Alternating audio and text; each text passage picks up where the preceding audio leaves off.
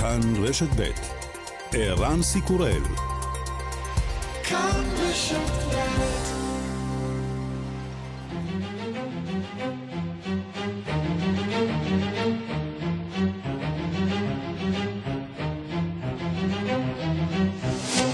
שעה בינלאומית חמישה בנובמבר 2019 והיום בעולם.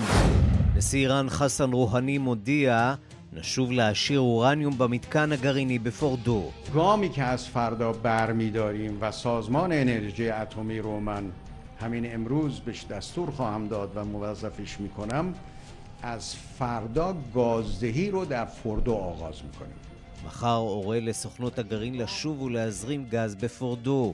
ברור לנו שתתעורר סערה בעולם, ישאלו מדוע אנחנו רוצים לעשות זאת שם. אנחנו צופים את כל זה מראש. ארצות הברית פורשת מהסכם פריז שנועד להפחית את עליית הטמפרטורה העולמית. So we're getting out. But we will start to negotiate and we will see if we can make a deal that's fair. And if we can, that's great. And if we can't, that's fine. אנחנו יוצאים וננסה להגיע לעסקה הוגנת אם נצליח יופי, לא נצליח גם יופי, הבטיח בעבר טראמפ. פרישתה של ארצות הברית תיכנס לתוקפה בדיוק בעוד שנה, יום לאחר הבחירות הבאות. ה-FBI חושף כי יצר אדם בן 27 שתכנן לפוצץ מטעני חבלה בבית כנסת בקולורדו. Mr. Holzer self-identifies as a skinhead and a white supremacist. Mr. Holzer went on to suggest to undercover agents that they use explosive devices to destroy the synagogue and, quote, get that place off the map. Mr. Holzer also stated that he was not concerned about any loss of life from the attack because such victims would be Jews. מר הולצר מגדיר עצמו כמגולח ראש ומאמין בעליונות לבנה. הוא הציע לסוכנים חשאיים שהשתמשו באמצעי חבלה לפוצץ את בית הכנסת. הוא גם הצהיר שאינו מודאג מהתוצאות, שכן כל ההרוגים יהודים. מאות הפגינו אתמול בברסלונה נגד המלך פליפה השישי, שהגיע לקטלוניה לטקס פרסים.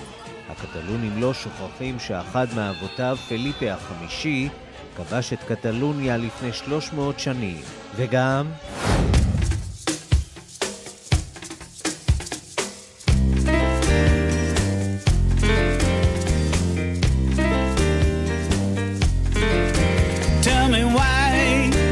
הסדרה המצליחה של שנות ה-90, משתגעים מהאהבה חוזרת למסך, הייתה כוכבת העבר קרול ברנט, שאף זכתה באמי על תפקידה בסדרה.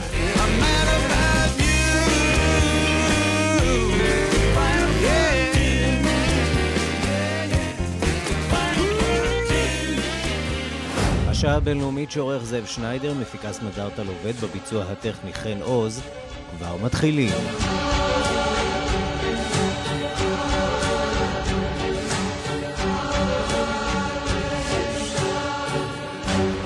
שלום רב לכם, אנחנו פותחים בהחלטה של איראן לחדש את העשרת האורניום במתקן בפורדו.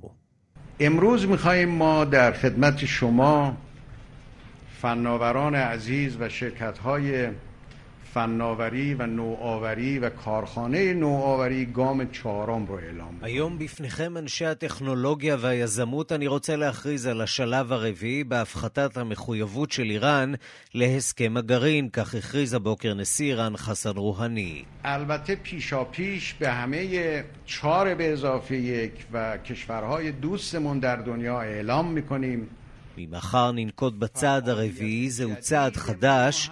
הודענו למדינות שנותרו בהסכם הגרעין ולמדינות הידידותיות מראש על הצעד הזה, שיתקיים תחת פיקוח הסוכנות הבינלאומית לאנרגיה אטומית. הסוכנות הבינלאומית תמשיך בפיקוח למרות הפעילות שנתחיל מחר. گامی که از فردا برمیداریم و سازمان انرژی اتمی رو من همین امروز بهش دستور خواهم داد و موظفش میکنم از فردا گازدهی رو در فوردو آغاز میکنیم מחר אורה לסוכנות הגרעין לשוב ולהזרים גז בפורדו. ברור לנו שתתעורר סערה בעולם, ישאלו מדוע אנחנו רוצים לעשות זאת שם. אנחנו צופים את כל זה מראש. רק אתמול הודיעה איראן על השקה של צנטריפוגות חדשות ויעילות יותר, שיזרזו את העשרת האורניום בעוד צעד תגמול, שמשמעותו חידוש העשרה ברמה נמוכה. כל מהלך איראני כזה, מסביר לנו דוקטור רז צימפ, מומחה לאיראן, משמעותו קיצור לוח הזמנים בדרך לפצצה. אך באופן מעשי אין מדובר בצעד שמעיד על זירוז משמעותי. פרופסור אמילי לנדאו סבורה שהצעדים של איראן חושפים את הפגמים המסוכנים בהסכם הגרעין. רק אתמול הודיעה ארצות הברית על צעדים וסנקציות חדשות נגד איראן. הכלכלה האיראנית שווה וסופגת עוד ועוד פגיעות, והאיראנים לא מוכנים לשבת בשקט ולקוות שהאירופים יעשו עבורם את העבודה. ושלום לכתבנו בוושינגטון, נתן גוטמן. שלום ערן. בוא נפתח אולי באמת אה, בעניין הזה, העניין האיראני. יש כבר תגובות אה, ראשונות מן הצד האמריקני על ההחלטה הזאת של איראן אה, להשאיר אורניום בפורדו?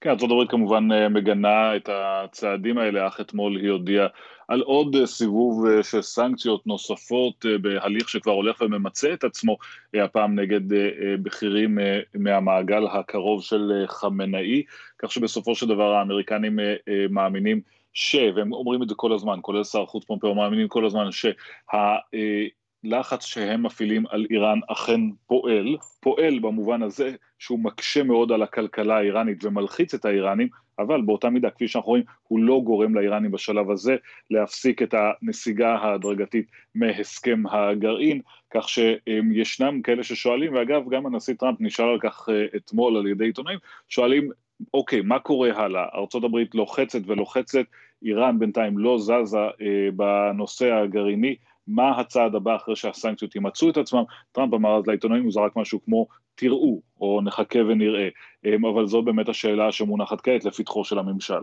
בוא נעבור מכאן אה, לוועדת הקונגרס שמקיימת שימועים לקראת הדחת הנשיא, והיא פרסמה אתמול כמה מהתמלילים של אה, העדויות שניתנו מאחורי דלתיים סגורות. אה, העדויות הללו של עוזר בכיר לשר החוץ פומפאו ושל השגרירה לשעבר באוקראינה מסבכות עוד יותר את ממשל טראמפ, נכון? כן, אפשר לומר את זה כמעט על כל יום. בסופו של דבר, אה, ככל שאנחנו לומדים יותר, והאנשים. צריך לומר, האנשים שמגיעים לוועדה הזאת, הוועדה נשלטת על ידי הדמוקרטים, האנשים שמזמינים הם אנשים שיכולים לחזק את הטענות אה, נגד הנשיא.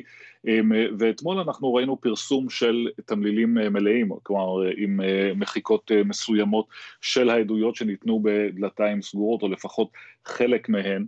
והן בהחלט מחזקות את הטענות האלה, גם במובן הזה שעוזר בכיר של מייק פומפאו מספר על איך שהוא אה, בסופו של דבר נאלץ לעזוב את אה, אה, משרד החוץ בגלל התחושה שהם משתמשים ביחסי החוץ של ארצות הברית לצרכים פוליטיים של הנשיא טראמפ, השגרירה יונוביץ' שהודחה מתפקידה כשגרירה באוקראינה כי לא הסכימה למלא אחר הוראות הנשיא ושליחו רודי ג'וליאני גם היא מפרטת באריכות רבה את אה, מסכת הלחצים שהיא עברה ואיך שהיא נדחקה החוצה מתפקידה בכוח על ידי אה, הנשיא טראמפ ושר החוץ אה, פומפאו, כך שזה בהחלט מחזק את זה, זה גם יותר מצביע לכיוונו של מייק פומפאו כמי שעלול להיות אחד הקורבנות המרכזיים של החקירה הזאת מעבר לנשיא טראמפ, פומפאו עצמו הרי לא היה מעורב, הוא לא רצה בדברים האלה, זה רודי ג'וליאני טיפל בכל, אבל בסופו של דבר הגיבוי והחיפוי שהוא נתן כאשר הוא מעמיד את משרד החוץ שעומד ברשותו,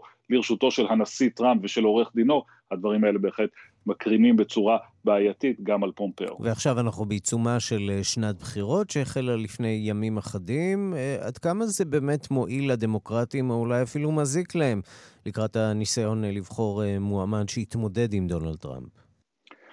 כל הליך ההדחה הזה הוא, הוא, הוא דבר די חסר תקדים מטבע הדברים, ולכן קשה לדעת לאיזה כיוון זה הולך, זו בעצם פעם יחידה בהיסטוריה האמריקנית שיש הליך הדחה לנשיא שעדיין רוצה, מעוניין לרוץ בבחירות, אז קשה לדעת על סמך uh, תקדימים. מצד אחד, עצם העובדה שיש דיון יומיומי בפרשה הזאת, שזה חושף את ההתנהלות של הנשיא טראמפ, ודאי לא עוזרת uh, לנשיא. מצד שני, קודם כל יש איזושהי uh, uh, מידה של רוויה בקרב הציבור, כמה הם יכולים עוד לשמוע על הפרטים האלה, ושנית, יש טענה, וזו הסיבה שהדמוקרטים חיכו כל כך הרבה זמן לפני שהם פתחו בהליך הדחה, יש טענה שהדיון הזה בעצם שואב את האנרגיה מכל הדיונים האחרים, והדמוקרטים, במקום שיעסקו עכשיו בנושאים שהם יכולים להיות מאוד חזקים בהם, כמו קריסת מערכת הביטוח הרפואי, כמו העלאת המיסים שפגעה בשכבות החלשות, כל הדברים האלה בעצם נדחקים לשוליים כי עוסקים אך ורק באימפיצ'מנט.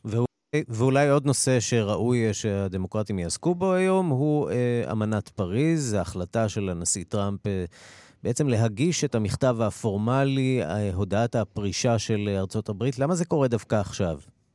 טוב, זה קורה עכשיו קודם כל מסיבות טכניות. לפי האמנה מותר לפרוש ממנה רק שלוש שנים אחרי, באופן פורמלי רק שלוש שנים אחרי שהיא נחתמת, וזה מגיע עכשיו, וההליך הזה גם כן הוא בעצם רק הודעה על כך שבתוך שנה ארצות הברית אה, תפרוש, זה מתוזמן מאוד טוב גם עם הבחירות אה, שהזכרנו, הפרישה תיכנס לתוקף בחודש נובמבר, ממש לפני הבחירות בארצות הברית, זה חשוב לדונלד טראמפ, זה חלק מהמסר שלו, גם המסר האנטי-מדעי של הכחשת ההתחממות הגלובלית, אבל חשוב יותר המסר הזה של אמריקה פרסט, של אמריקה תחילה, אנחנו נדאג ליצרנים שלנו, אנחנו נדאג לתעשיות שלנו, אנחנו נדאג לקוראים שלנו, פחות מזה נדאג לשאר העולם, כמו שהוא אמר בהודעה המקורית שלו בשעתו על הפרישה, יותר חשוב לי פר... פיטסבורג מאשר פריז, בואו נשמע דברים שהוא אומר עכשיו בנושא הזה, הנשיא טראמפ.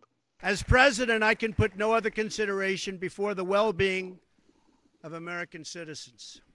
The Paris Climate Accord is simply the latest example of Washington entering into an agreement that disadvantages the United States to the exclusive benefit of other countries, leaving American workers, who I love, and taxpayers to absorb the cost in terms of lost jobs, lower wages, shuttered factories, and vastly diminished economic production.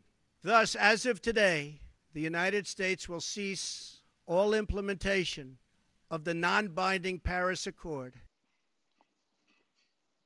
כן, בסופו של דבר, שוב, זה, זה המסר שלו, אנחנו חותמים על הסכמים בינלאומיים שבסופו של דבר עוזרים למדינות אחרות ופוגעים בכלכלה וביצרנים האמריקנים, זאת הגישה של טראמפ, צריך רק לומר אולי במילה אחת, שיש כאלה שמציגים גישה הפוכה, אומרים מעבר לחשיבות העצומה כמובן בהצלת כדור הארץ, ההסכם הזה יעזור כלכלית לארצות הברית, כי בסופו של דבר הנזק של ההתחממות הגלובלית במונחים דולריים ובמונחים של מקומות עבודה הוא הרבה יותר גדול מהנזק של סגירת אה, אה, מכרות או אה, מתקני אה, אה, ייצור אנרגיה שמזהמים. ועוד לא אמרנו מילה על מה שקורה בארצות הברית עצמה והשריפות שעסקנו בהן בהרחבה אה, אתמול, שגם הן, על פי המדענים לפחות, אה, מושפעות בצורה דרמטית אה, מההתחממות הגלובלית. נתן גוטמן, כתבנו בוושינגטון, תודה. תודה רבה. ושלום לכתבנו בפריס, גדעון קוץ. בפריס, אה, שבה נחתם הסכם, הם מקבלים הפעם את הודעת ארצות הברית בשלווה יחסית. הנשיא מקרו יחתום היום על הצהרה משותפת בנושא ההתחממות הגלובלית עם עמיתו הסיני. הדיווח של כתבנו גדעון קוץ. בפריז, מקום חתימת ההסכם ההיסטורי ובאירופה מנסים להוריד מחשיבות ההודעה האמריקנית שהייתה, אומרים כאן, צפויה. הברית הייתה צריכה לחכות שלוש שנים בדיוק מהחתימה ועכשיו נותרה שנה ליישום בפועל. ואז אולי כבר טראמפ לא יהיה נשיא נשיאות צרפת פרסמה הודעה מתונה שבה אמרה כי הצד האמריקני היה מרכיב צפוי של הפרוצדורה וכי הדבר הופך לחיונית יותר את השותפות בין צרפת וסין בתחום האקלים. צרפת משליכה בלית ברירה את יהבה למזהם הגדול השני, סין.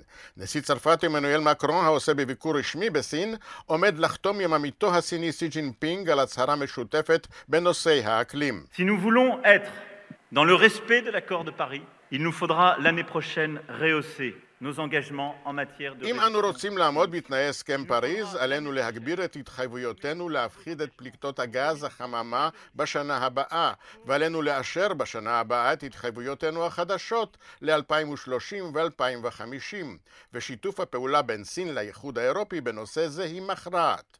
בפריז מודעים לכך כי רק מדינות מעטות עמדו עד כה בהתחייבויותיהן, וארצות הברית הבטיחה להמשיך ולהשתתף במפגשים הבאים בנושא האקלים, כמו ועידת הקופ 25 שהועברה בחודש הבא למדריד. כאן גדעון קוץ, מפריז. שלום לדוקטור יונתן אייקנבאום. שלום, חפרים טובים, ערן, לכל מאזינים. מנהל מחקר ואסטרטגיה בגרין פיס ישראל, אני מניח שאתם אה, מגנים את ההחלטה הזאת של ארצות הברית. כמובן מגנים מאוד, אבל זה כמובן, זה גם היה צפוי, הוא כבר דיבר על זה בעבר, והוא פועל בצורה מתמדת. סגידת הבורות, זה פשוט ככה, מה שילד בן עשר מבין, אם אנחנו אה, מציגים לו את זה בכיתה מדעית, אז נשיא טראמפ מתעקש לטמון את הראש בחול.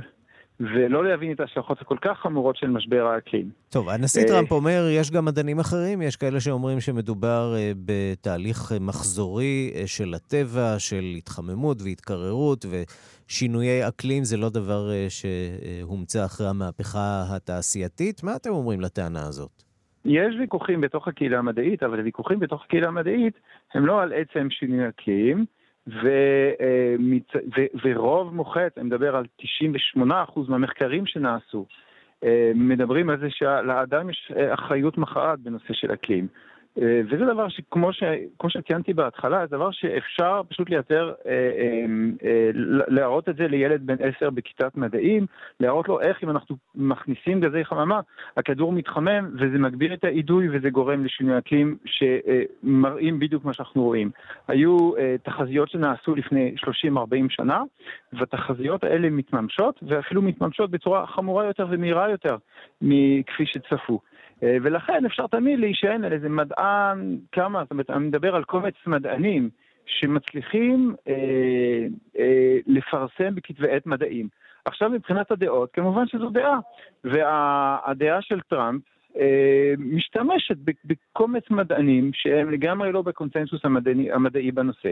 כדי לעשות את זה, והכי מסוכן זה פשוט לקחת משהו שהוא אה, ברמה של ידע מדעי, ולהחליט פתאום שהידע הזה, זה, זה, זה, זו דעה פוליטית למעשה. זה בוא נדבר רגע ביותר. על המשמעות אה, של עזיבת ארצות הברית. עד כמה ארצות הברית אה, היא גורם מכריע בשינוי האקלים? אז יש לזה כמה השלכות. קודם כל, מבחינת פליטות גזי חממה, ארה"ב היא בערך שמינית מפליטות גזי החממה של העולם. היא הרבה יותר ברמה היסטורית, כי בעבר היא פלטה יותר. אז כמובן זה פחות מסין, אבל זה עדיין שחקן מרכזי ביותר. אבל אה, אני רואה את ההשלכות השליליות בעיקר בשני מישורים. המישור הראשון זה המסר, אה, והחשש שבעקבות ארצות הברית יהיו מדינות נוספות שיעשו צעדים נוספים כדי לצאת מהסכם פריז וכדי לעשות אה, צעדים שנוגדים לחלוטין גם את הרוח של הסכם פריז וגם את ההתחייבויות. אז אני חושב על, על ברזיל כמובן, אני חושב על, על רוסיה ואני חושב על מדינות כמו סעודיה שמייצרות נפט ועוד מדינות אחרות כאלה. וזה באמת חשש כבד, ויהיה איזשהו רפיון מצד מדינות אחרות. אמ, זה חשש אחד. החשש השני הוא בכיוון של המימון. יש חלק בהסכם פריז שצריך לממן למען טכנולוגיות אה, כדי לעזור במיוחד למדינות המתפתחות לעבור ואם ארצות הברית לא תעשה נקיות. את זה, אז לא ברור מי יעשה את זה. בדיוק, זה החשש. עכשיו, התקווה מצד שני, שרוב האנשים לא קונים את הסיפור הזה של טראמפ אה, זה סיפור שהוא לא מבוסס מדעית, שוב, אני אומר, זה סגידת הבורות. ובמקום הזה, גם בתוך ארצות הברית וגם מחוץ לארצות הברית, אה, אנשים מתארגנים בכל הרמות. בתוך ארצות הברית זה אה, ברמה של מדינות כמו קליפורניה, אבל אפילו טקסס, מדינה שהיא, לא יודע, מעוז הגז והנפט, mm-hmm. מייצרת יותר אנרגיה עכשיו מאנרגיית שמש ורוח. אתה אומר, יש דברים שאפשר לעשות גם ברמת המדינות, והדברים הללו נעשו. אני רוצה לשאול אותך לגבי הסכם פריז שנחתם כבר ב-2015. אנחנו מדברים כבר על ארבע שנים של uh, תחילת יישום של ההסכם הזה. עד כמה אתם מתרשמים שהעולם באמת הפנים, והמדינות באמת מקיימות את המחויבויות שלהם על פי ההסכם הזה לצמצם את uh, פליטת הגזים? המדינות התחילו לממש את המחויבויות שלהם, אבל ברור לכתחילה, וזה מיד אחרי חתימת הסכם פריז, שההסכם הזה הוא הסכם עם, עם מכנה משותף מאוד מאוד נמוך. והמטרה שלו לכנס את כולם ביחד. ולכן גם ארצות הברית יכולה להיות בפנים, וגם רוסיה, וגם ברזיל, יכולה, כולם יכלו להיות בפנים. אמ, אבל כמובן שעל זה הרצון היה לבנות משהו הרבה יותר עוצמתי. לקראת שנה הבאה להגיע לאפס פליטות פחמן עד 2050. טוב, ועכשיו יש שנה, שנת בחירות אה, בארצות הברית. אתה מעריך שהנושא הזה יעמוד בראש סדר היום, או ששאר הנושאים אולי אה, יצליחו להפיל על הנושא הזה? אה, אני רוצה להאמין ולהמר ולקוות, ולא יודע בדיוק איזו מילה להשתמש, אה, בוודאי שכל מועמד דמוקרטי שייקח על טראמפ יחזיר את ארצות הברית להסכם פריז, זה אני אה, כמעט בטוח בזה, ואני מאמין שרוב המועמדים הרפובליקנים יכניסו יחזרו להסכם פריז, והנה איבדנו את קו השידור עם יונתן אייקנבאום, אבל נדמה לי שהבנו לחלוטין את הדברים. יונתן אייקנבאום, מנהל מחקר ואסטרטגיה בגרינפיס ישראל, תודה רבה על הדברים. לפני 300 שנה היה זה פיליפה השישי שכבש את, החמישי שכבש את אה, קטלוניה ואת בירתה ברסלונה. כעת מלך מסדרת הפיליפה, פיליפה השישי, מגיע לטקס הענקת פרסים בעיר, והוא מתקבל שם בסערה גדולה. דיווחה של כתבתנו נטליה קנבסקי.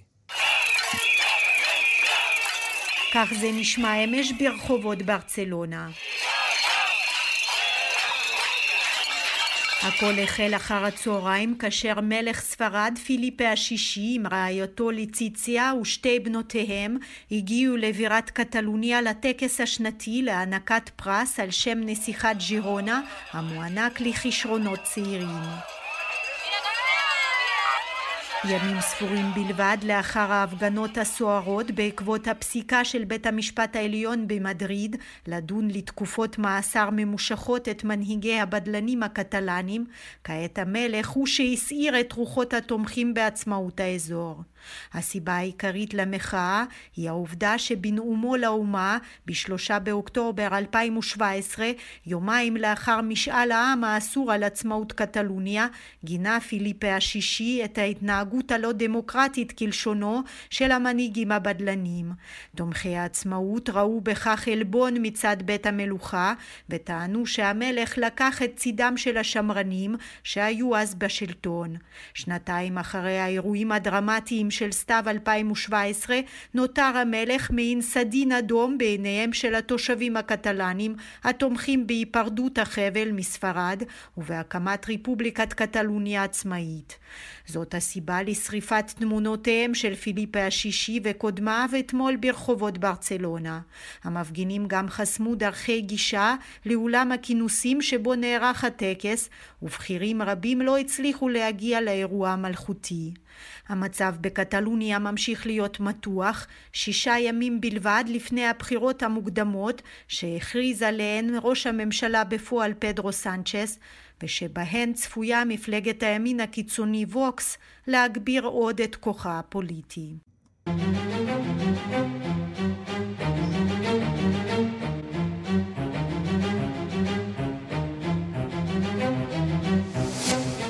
בווסט מינסטר בחרו אתמול ברוב קולות את סר לינזי הויל, חבר הלייבור, למחליפו של ג'ון ברקאו כיושב ראש בית הנבחרים, לאחר שזה סיים את תפקידו בתום עשור. סר לינזי, שפתח את נאומו בהספד מרגש לבתו שהלכה לעולמה לפני שנתיים, זכה ליותר מ-50 אחוזי תמיכה בקרב חברי הבית, והובל לדוכן לקול קריאותיהם הנלהבות של חברי הפרלמנט. אפילו ראש הממשלה בוריס ג'ונסון פרגן ליושב ראש החדש בנאום שנועד לקבלו בברכה. שלום לכתבנו בלונדון, עידו סואן. שלום ערן. אה, כן, אווירה חגיגית משהו, אחרי אה, הפרידה המרגשת מג'ון ברקו. אה, כך זה נשמע אתמול כשאב הבית סר קן קלארק הכריז על סר לינזי לא הויל כמי שעתיד למלא מעתה את תפקיד יושב ראש בית הנבחרים. בואו נשמע. Sir Lindsay Hoyle has obviously secured more than 50% of the ballots cast. So the motion before the House, the question is that Sir Lindsay Hoyle takes the chair of this House as Speaker. As, as many as of our that opinion... סר לינזי הוי קיבל למעלה מ-50% מקולות חברי הבית, אומר קן קלארק וכאלה, של השאלה האם יתמנה לינזי הוי לתפקיד יושב ראש הבית. מי שבעד יגיד איי, מי שלא לא. כלומר ני, אף אחד לא אומר לא, כצפוי. מיד אחר כך הזמין אותו אב הבית וסר הויל הובל, שלא לומר נגרר, לדוכן היושב ראש על ידי כמה מחברי הבית הנלהבים. בואו נשמע. I invite Sir Lindsay Hoyle to take the chair of the House. Order. Order. I want to hopefully show that the experience I've shown previously will continue. As I promised, I will be neutral, I will be transparent. I think this House, we can do more to ensure that that transparency continues. אני רוצה לקוות שהניסיון שצברתי יימשך, כפי שהבטחתי, אהיה ניטרלי ואנהג בשקיפות, ואני סבור שבבית הזה אנו יכולים לעשות יותר כדי להבטיח שהשקיפות הזו תישמר. כעת אקרא לראשונה לראש הממשלה, והנה ראש הממשלה בוריס ג'ונסון אה, פותח באנקדוטה קצרה לפני שהוא מחמיא לסר הויל. בואו נשמע. Whenever any of us is preparing to speak in this chamber, we all know that there is a moment between standing up and when the speaker calls you, when your heart is in your mouth. And in that moment of, of anxiety about whether you're going to make a fool of yourself and so on, uh, and indeed at the moment when we sit down amid deafening silence, the, the kindliness of the speaker the kindliness of the speaker is absolutely critical to our confidence and the way we behave. And Mr. Speaker, over the years I have observed that... כל אימת שמישהו מאיתנו מתכונן לשאת דברים בבית הזה, כולנו מכירים את הרגע אחרי שאתה קם, לפני שהיושב ראש קורא בשמך, כשהלב נמצא בתוך הפה שלך, ובאותו רגע של חרדה, וברגע בו אנו מתיישבים לכל שתיקה רועמת, אדיבותו של היושב ראש הינה קריטית מאין כמוה לאופן שבו ננהג, אומר בוריס. לאורך השנים צפיתי במעלותיך הרבות, הוא פונה לסר הויל, ואני בטוח שתעמוד לצידם של הספסלים האחוריים, ה-backbenchers, כפי שהבטחת, הוא שתנהג לפי לוח זמנים קפדני במושב השאילתות השבועי לראש הממשלה, זה נאמר בקריצה. ומה מבטיח סר הויל? זהו, אז סר הויל הדגיש שכל חברי הבית שווים זה לזה, ואת השוויון הזה הוא אומר חשוב לשמר, והבטיח שכך יעשה.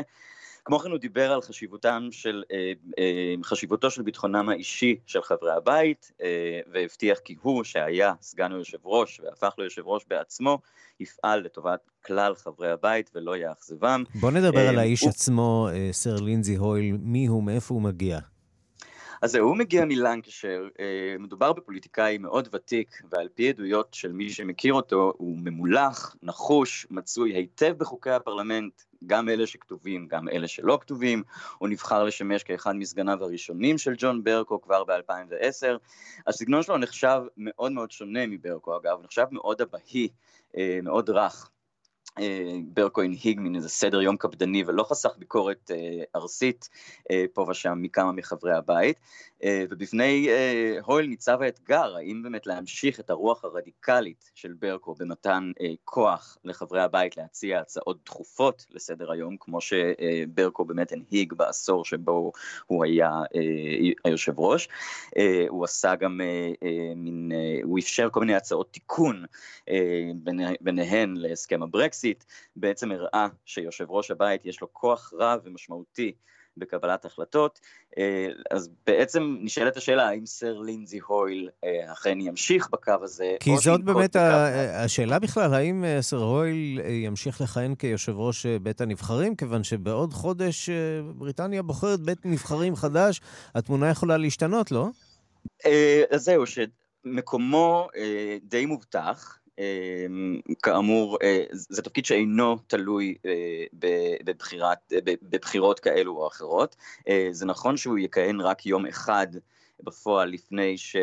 בעצם בפרלמנט לפני שיהיו בחירות, אבל הוא עדיין ימשיך לכהן כיושב ראש ללא קשר לבחירות. מה שכן, האם בזמן שיהיה hung parliament, מה שנקרא אה, פרלמנט שאין בו רוב, באמת תפקידו יהיה אה, קריטי יותר אה, מאשר אה, פרלמנט שבו יש רוב לממשלה, שבה היא בעצם יכולה לעשות פחות או יותר אה, ככל העולה על רוחה. קורבין כבר אמר אגב שסר הויל יזדקק לזוג עיניים אחוריות מעתה והלאה. רק שתיים? הוא יצטרך הרבה הרבה יותר. עידו סואן כתבנו בלונדון. תודה רבה. תודה ערן. אנחנו חוזרים אה, לסדרת הכתבות של אנטוניה ימין, שליחתנו לאירופה, על נפילת חומת ברלין, 30 שנה אחרי. בגרמניה שוב מרגישים ברוחות של שינוי, אלא שבניגוד ל-1989, אז המוני גרמנים יצאו לרחובות למען חופש ודמוקרטיה, הפעם מתחזק קולם של אלה שמסיתים לשנאה ואלימות. אז לאן פניה של גרמניה? האם עוד אפשר להציל אותה?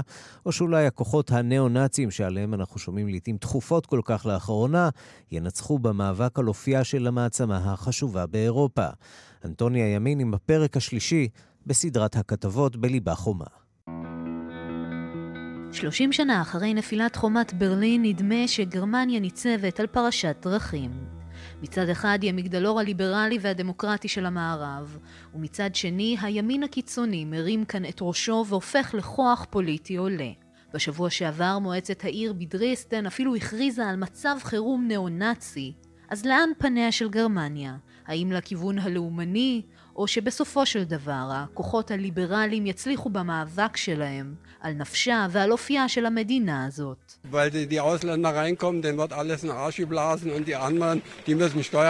לפני חודשיים היינו בכינוס פוליטי של מפלגת אלטרנטיבה לגרמניה בכפר פייץ. שם אחד המשתתפים הסביר לנו, הם מכניסים לכאן את כל הזרים, להם נותנים את כל הכסף, אנחנו צריכים לשלם מיסים עד שאי אפשר עוד, והם מקבלים הכל. מסדרים להם מגורים, הם יכולים לנסוע בחינם בתחבורה ציבורית. איפה קורה דבר כזה?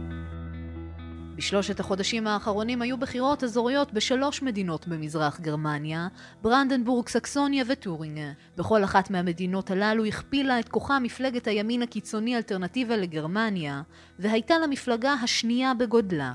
בברנדנבורג, שבה חצי מהתושבים עדיין מרגישים אזרחים סוג ב', מיקדה המפלגה את הקמפיין שלה בנפילת החומה, והדגישה את הפערים בין מזרח ומערב.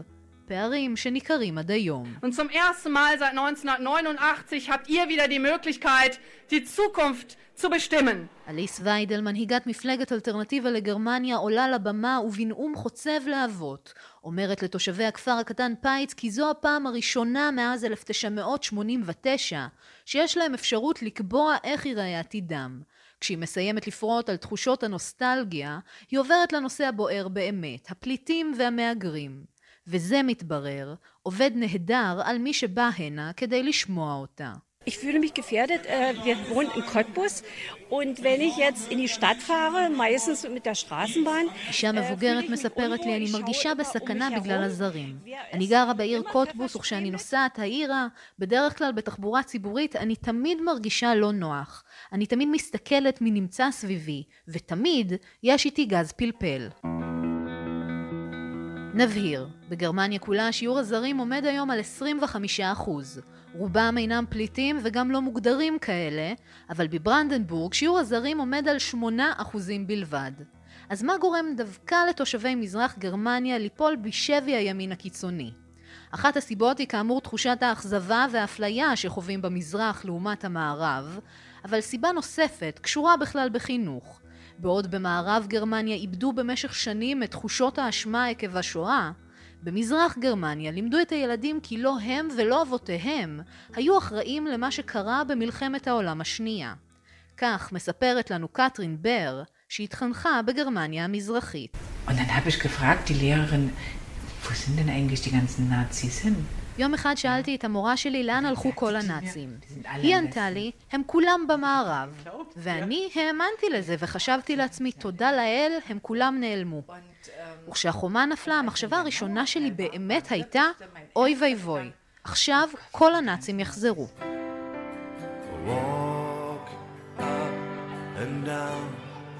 outside the שלושים שנה אחרי נפילת חומת ברלין, גרמניה נקרעת מבפנים. הלאומנים מושכים ימינה ומזכירים עבר מפואר ונוסטלגי, ואילו כוחות ליברליים ודמוקרטיים מנסים להזכיר למדינה הזאת שהיא המגדלור של אירופה. מי ינצח במאבק הזה? את זה רק העתיד יוכל לגלות לנו. אנטוניה ימין, ברלין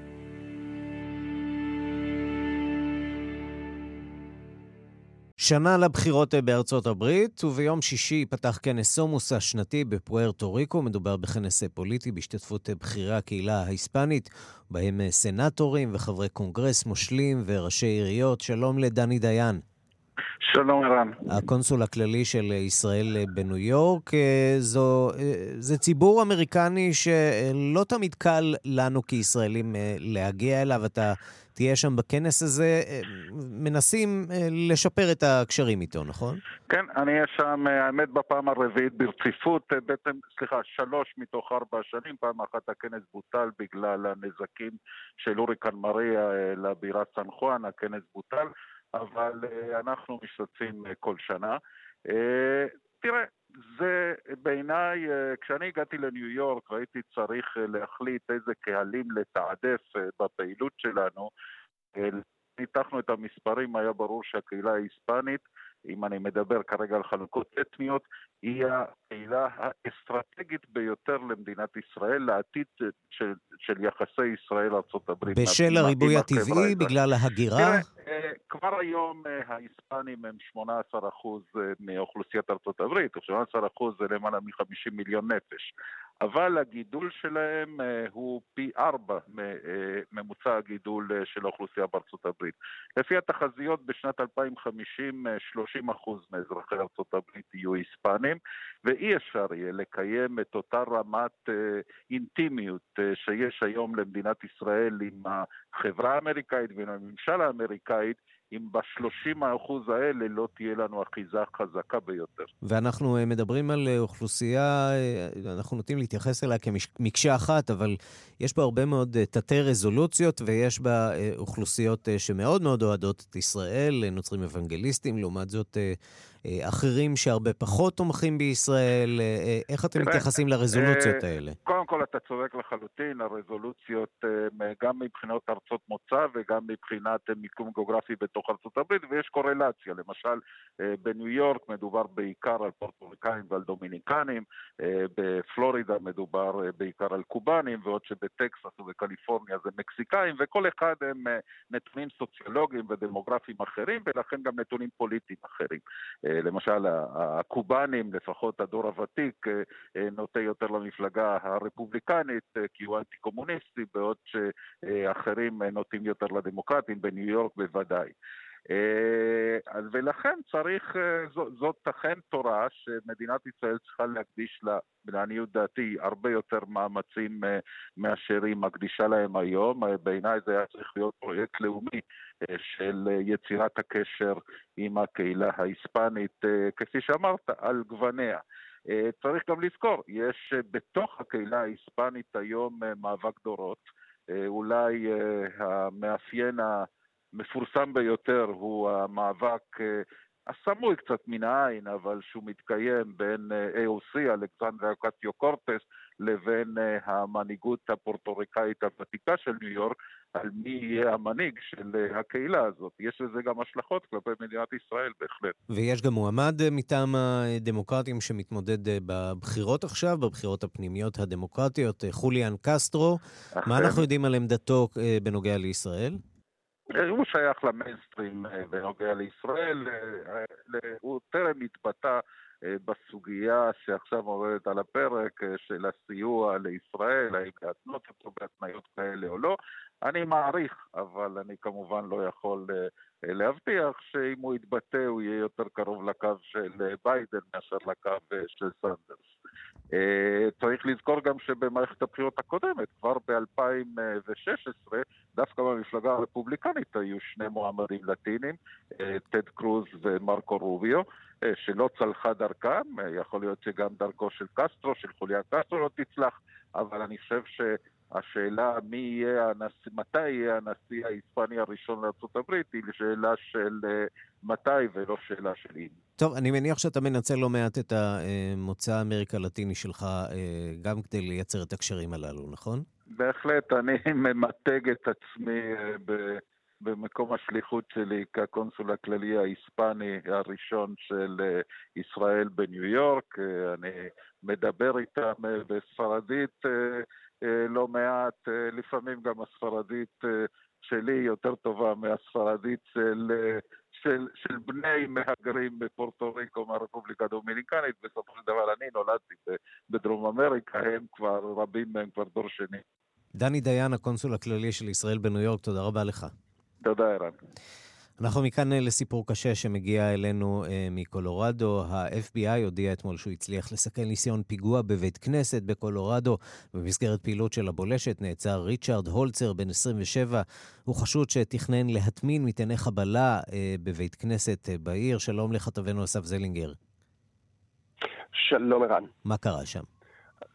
אז בואו נתחיל מהפרטים. במהלך החודשים האחרונים הבולשת הפדרלית אה, עוקבת אחר ריצ'רד הולצר, אה, בעיקר ברשתות החברתיות, אה, שבהם הוא מתבטא בגנות היהודים, בגנות זרים בכלל, אמירות כמו הלוואי והשואה הייתה מתקיימת כי אז הם היו מתים, כמובן שולל ומכחיש את השואה, אה, אמירות כגון כל היהודים צריכים למות. בעקבות טיפים, חלקם של הליגה למניעת השמצה, הולצר עולה על הרדאר של הבולשת שמתחילה להתכתב איתו ושולחת לכיוונו שוטרים וחוקרים סמויים. במהלך אותם קשרים הוא מתוודה בפניהם שבכוונתו להרעיל את בית הכנסת בפואבלו שבקולורדו, בית כנסת שמונה כ-35 משפחות באמצעות ארסן. הם מציעים לו אותו אה, אה, אותו חוקר סמוי מציע לו להשתמש אה, במטעני חבלה שהוא אף מספק לו. לאחר שהולצר יוצא מטעני החבלה לכיוון בית הכנסת עם עוד חבר, הבולשת עוצרת אותו, וכרגע ה-FBI מנסה לגזור עליו עונש של 20 שנות מאסר בעקבות ניסיון פשע שנאה. בואו נשמע את הדברים שאומר חוקר הבולשת, דין פיליפס, אתמול במסיבת עיתונאים. According to the complaint affidavit, Mr. Holzer self identifies as a skinhead and a white supremacist. During the investigation, FBI agents became aware of racist, anti Semitic, and threatening statements made by Mr. Holzer on social media. Mr. Holzer repeatedly expressed his hatred of Jewish people and his support of a racial holy war. כן, אז אתה יודע, מלחמת שמד, מלחמת שמד גזענית של האומה הלבנה, הסקין-הדים נגד היהודים. בואו נצא רגע לרמת המקרו, אנחנו בערך שנה אחרי אותו פיגוע אה, בבית הכנסת עץ החיים בפיטסבורג. אה, במהלך השנה הזו, וגם מאז עלייתו של דונלד טראמפ לשלטון, מדווחים על עלייה בביטויי גזענות. אה, בליגה למניעת השמצה טוענים שבשנה האחרונה בלבד, מאז אותו פיגוע בפיטסבורג, נעצרו כ-13 בני אדם בחשד שניסו אה, או לפגוע בצורה פיזית, או התבטאו אה, כנגד יהודים. והשאלה אה, הגדולה היא, כמה עוד הולצרים מסתובבים להם שם בארצות הברית? אסף זלינגר, כתבנו בניו יורק, תודה. תודה. אכזבה עצומה בניגריה לאחר שוועדת האוסקר החליטה אה, לפסול את מועמדותו של הסרט לב הארי בקטגוריית הסרט הזר הטוב ביותר. הוועדה הודיעה שהסרט כולל יותר מדי דיאלוגים באנגלית, ועל כן לא ייכלל ברשימה לקראת תחרות פרסי האוסקר ל-2020. דיווחה של עורכת אפריקה, רינה בסיסט. לפני ארבעה שבועות פרסמה ועדת האוסקר את רשימת הסרטים שהתקבלו לתחרות בקטגוריית הסרטים הבינלאומיים לשנת 2020. ההודעה אז חוללה התרגשות גדולה בניגריה. בפעם הראשונה התקבל סרט ניגרי לתחרות היוקרתית, ולא סתם סרט, אלא סרט בכיכובה ובהפקתה של הכוכבת הניגרית האהובה כל כך, ז'נבייב נאג'י.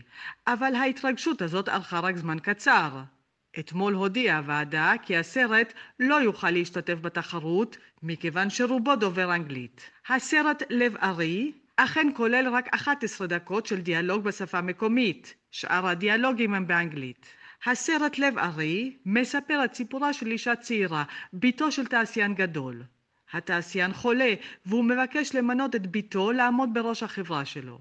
אבל מכיוון שבתו עדיין חסרת ניסיון, הוא ממנה גם את אחיו, כלומר הדוד, לפקח עליה. The biggest legacy I will leave for posterity is you. הקומדיה המצחיקה מאוד הזאת מביאה את ההתנגשות בין השניים, על רקע סיפור של העצמה נשית בחברה הניגרית. הסרט של נאג'י זכה לתשבוכות רבות בעולם, הוא כבר השתתף בפסטיבל הסרטים של טורונטו. הוא גם מוקרן בנטפליקס, כך שהחשיפה שהסרט זכתה לו הייתה עצומה. ובכל זאת, כך נראה, דרכו אל האוסקר חסומה. הכאב בניגריה גדול במיוחד, מכיוון שתעשיית הסרטים שם היא גדולה מאוד. נוליווד היא בעצם תעשיית הסרטים השנייה בגודלה בעולם. בתחילה היו אלה סרטים באיכות ירודה, שהופצו בקלטות DVD. השחקנים היו גרועים, העלילה הייתה פרומה.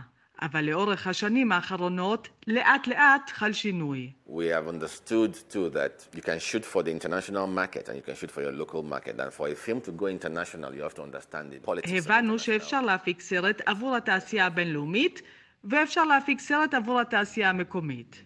אם רוצים שהסרט ילך לשוק הבינלאומי, חייבים להבין את הפוליטיקה של התעשייה הזאת מבחינת נוכחות בפסטיבלים בינלאומיים שונים. כך מספר מפיק סרטים ניגרי בנוליווד. את ההשקעה הזאת רואים ללא ספק בסרט של נאג'י. ההפקה מוקפדת מאוד, המשחק מצוין, העלילה משעשעת וכוללת תפניות בלתי צפויות. ג'נבייב נאג'י כמובן לא הסתירה את אכזבתה מפסילתו של הסרט לאוסקר. הסרט הזה מייצג את הדרך שבה אנחנו בניגריה מדברים. זה כולל אנגלית, אשר משמשת לנו כגשר בין 500 ויותר השפות המדוברות במדינה שלנו. לא אנחנו בחרנו מי ישלוט עלינו בעידן הקולוניזציה. כמו תמיד, הסרט הזה, כמו סרטים רבים אחרים, הוא ניגרי לתפארת, כך הציצה. רבים בניגריה חשים כי פסילתו של לב ארי הינה סטירת לחי לנוליווד כולה מצידה של הוליווד האמריקאית. כאן רינה בסיסט. אנחנו נפרדים מכם על רקע המחווה של הדי-ג'יי, התקליטן הבלגי מייקל שק, שהוציא השבוע שיר רימיקס על יושב ראש בית הנבחרים הפורש ג'ון ברקו, האיש הססגוני והצבעוני, שיוצא עכשיו לגמלאות. הנה.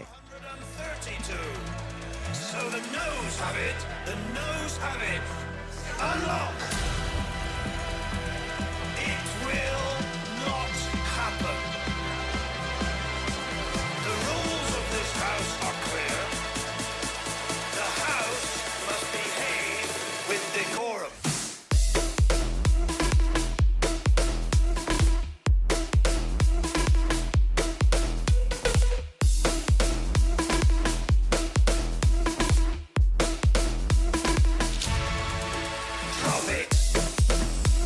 עד כאן השעה הבינלאומית מהדורת יום שלישי, העורך הוא זאב שניידר, מפיקות סמדארטה עובד ואורית שולץ, הטכנאים חן עוז ושמעון דוקרקר, אני רנסי קורל, אחרינו רגעי קסם עם גדי לבנה. אנחנו נמצאים כל השבוע בפודקאסט, בהסכת שלנו, חפשו אותנו גם בגוגל, להתראות.